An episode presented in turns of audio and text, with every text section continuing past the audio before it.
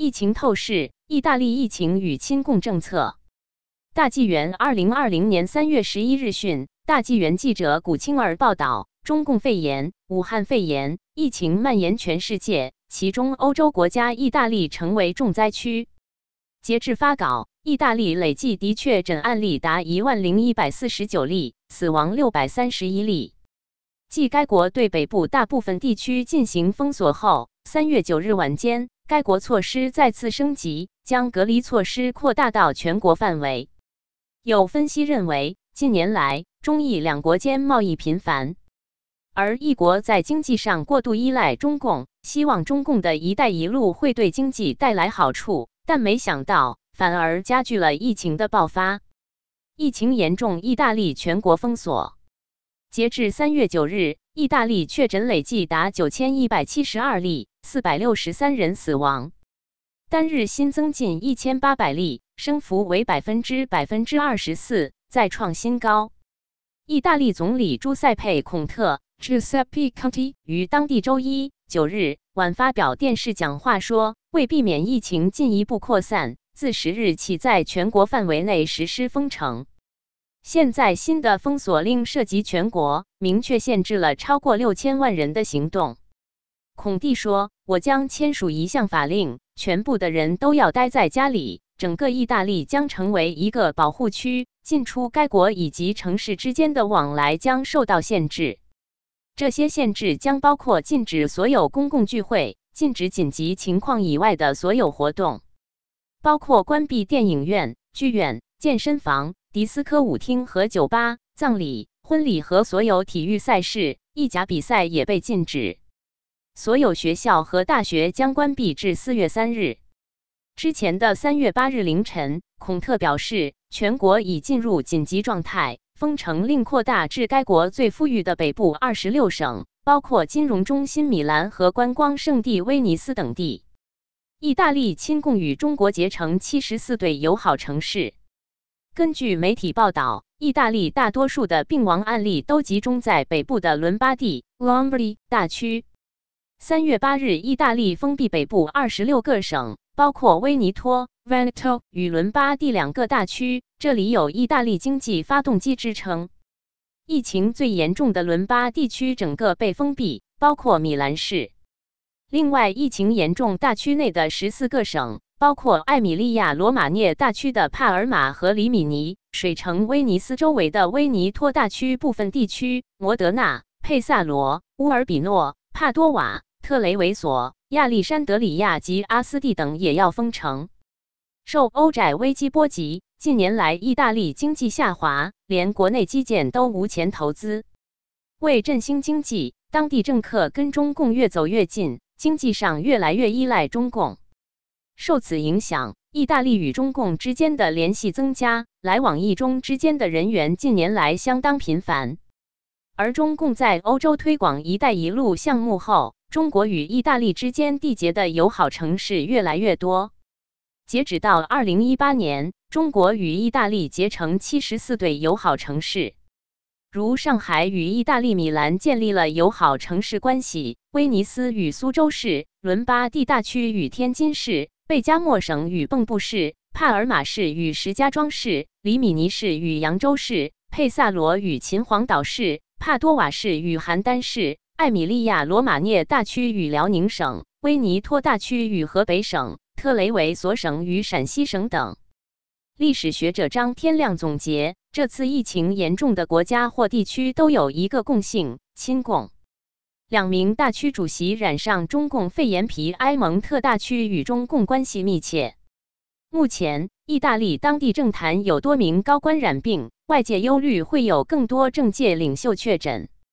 三月七日，意大利执政民主党领袖拉齐奥大区首长金加雷蒂 （Nicola Zingaretti） 在 Facebook 影片中说：“我也感染了中共肺炎、武汉肺炎 （COVID-19）、新冠肺炎，称居家自我隔离，情况良好。”而在一周前，金加雷蒂在二月底前往北部大城米兰，倡议米兰不会停下脚步（井号 Milan doesn't stop） 的行动。呼吁意大利民众保持信心和团结，因为意大利没有危机 Non si la crisi 应持续推动意大利经济前进。三月八日，意大利陆军参谋长法里纳将军 Gen Salvatore Farina 也确诊。而疫情最为严重的伦巴第大区，其政府首长亦因驻守染病而要自我隔离。三月八日，北部大州皮埃蒙特 Piedmont 的州长西里奥 Alberto Cirio 也确诊。成为二十四小时内第二名确诊染病的大区首长。以都灵为首府的皮埃蒙特大区是意大利中共肺炎疫情第四严重的大区。外界注意到，拉齐奥大区的罗马市与北京、皮埃蒙特大区与四川省、都灵市则与沈阳市结为友好城市。近年来，这些城市与中共的活动频繁。今年一月十一日。中共驻米兰总领事馆与意大利阿斯蒂市政府联合举办“阿斯蒂遇见中国”系列活动。阿斯蒂是意大利皮埃蒙特大区阿斯蒂省的首府。在中意“一带一路”经贸合作论坛上，中共总领事宋雪峰与皮埃蒙特大区副主席贾布斯·拉塞罗市长及意大利中资企业协会、当地主要商协会主席等出席并致辞。二零一九年十二月。欧洲宁波州专项经贸活动智能制造产业合作交流会暨中意宁波园区专题推介会在都灵市举行，来自意大利皮埃蒙特大区 Prima 工业集团等五十余家企业参会。二零一九年六月，中车唐山公司意大利现代轨道交通技术联合研发中心揭牌仪式在意大利都灵举行。中共官媒报道称。该研发中心的主要功能是给意大利、欧洲各国以及“一带一路”沿线国家带来交通运输方面的创新技术服务和解决方案。二零一九年五月十三日，由 Visit Piemont 意大利皮埃蒙特大区旅游推广机构主办，意大利国家旅游局、意大利使馆文化处协办的二零一九意大利皮埃蒙特推介会在意大利使馆文化处举办。二零一九年当地时间十一月二十七日，意大利都灵大学孔子学院举办中国套房小窗格剪彩仪式。都灵大学孔院与都灵金宫酒店合作，在酒店内常设了一间中国套房，为下榻该酒店的客人推广中国。意大利是 G 七第一个和中共签署“一带一路”协议的国家，意大利也是 G 七第一个和中共签署“一带一路”计划的国家。自去年十二月中共肺炎爆发以来，意大利一度没有关闭边界，也没有筛查从中国入境该国的所有人，包括中国人及意大利人。如今，意大利北部经济瘫痪，市民感染严重，米兰市的超市空荡荡。今年二月十三日，意大利媒体报道。在意大利疫情还没爆发时，罗马一家口罩工厂 DPID Roma 因十年的库存十天内被中国扫光，导致该国陷入口罩荒，甚至还出现哄抬口罩的情形。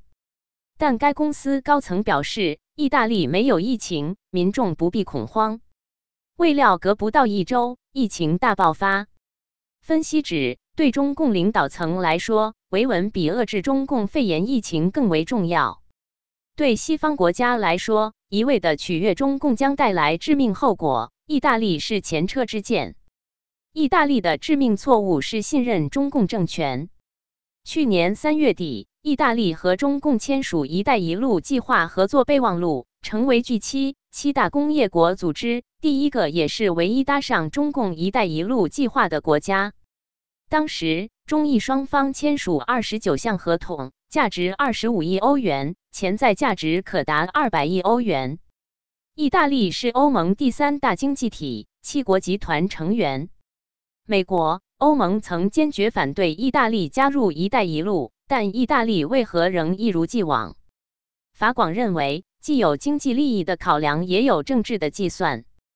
意大利五星党执政后，其政策和宣誓“意大利优先”多遭欧盟批评，法意关系因此略显紧张，相对孤立。经济上，意大利危机潜伏，急需投资。北京承诺其加入“一带一路”后可获巨额投资，极具诱惑力。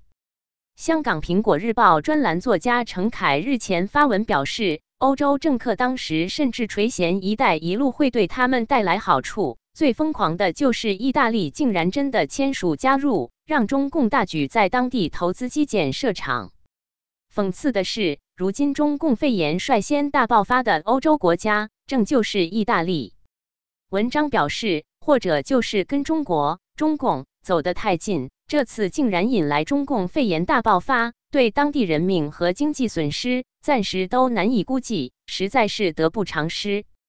时政评论员陈思敏则认为，这次中共肺炎疫情爆发，意大利迅速沦为欧洲第一大疫区、全球第二大疫区，而大量国民的健康受威胁，以及难以估算的抗疫成本，仅一项观光收益估计损失七十四亿欧元。除此，一国政府也已决定紧急支出七十五亿欧元挽救遭疫情重击的经济。意大利以为“一带一路”是发大财备忘录。殊不知，与带着红色诅咒的中共交易，注定都没有好结果。责任编辑：林瑞。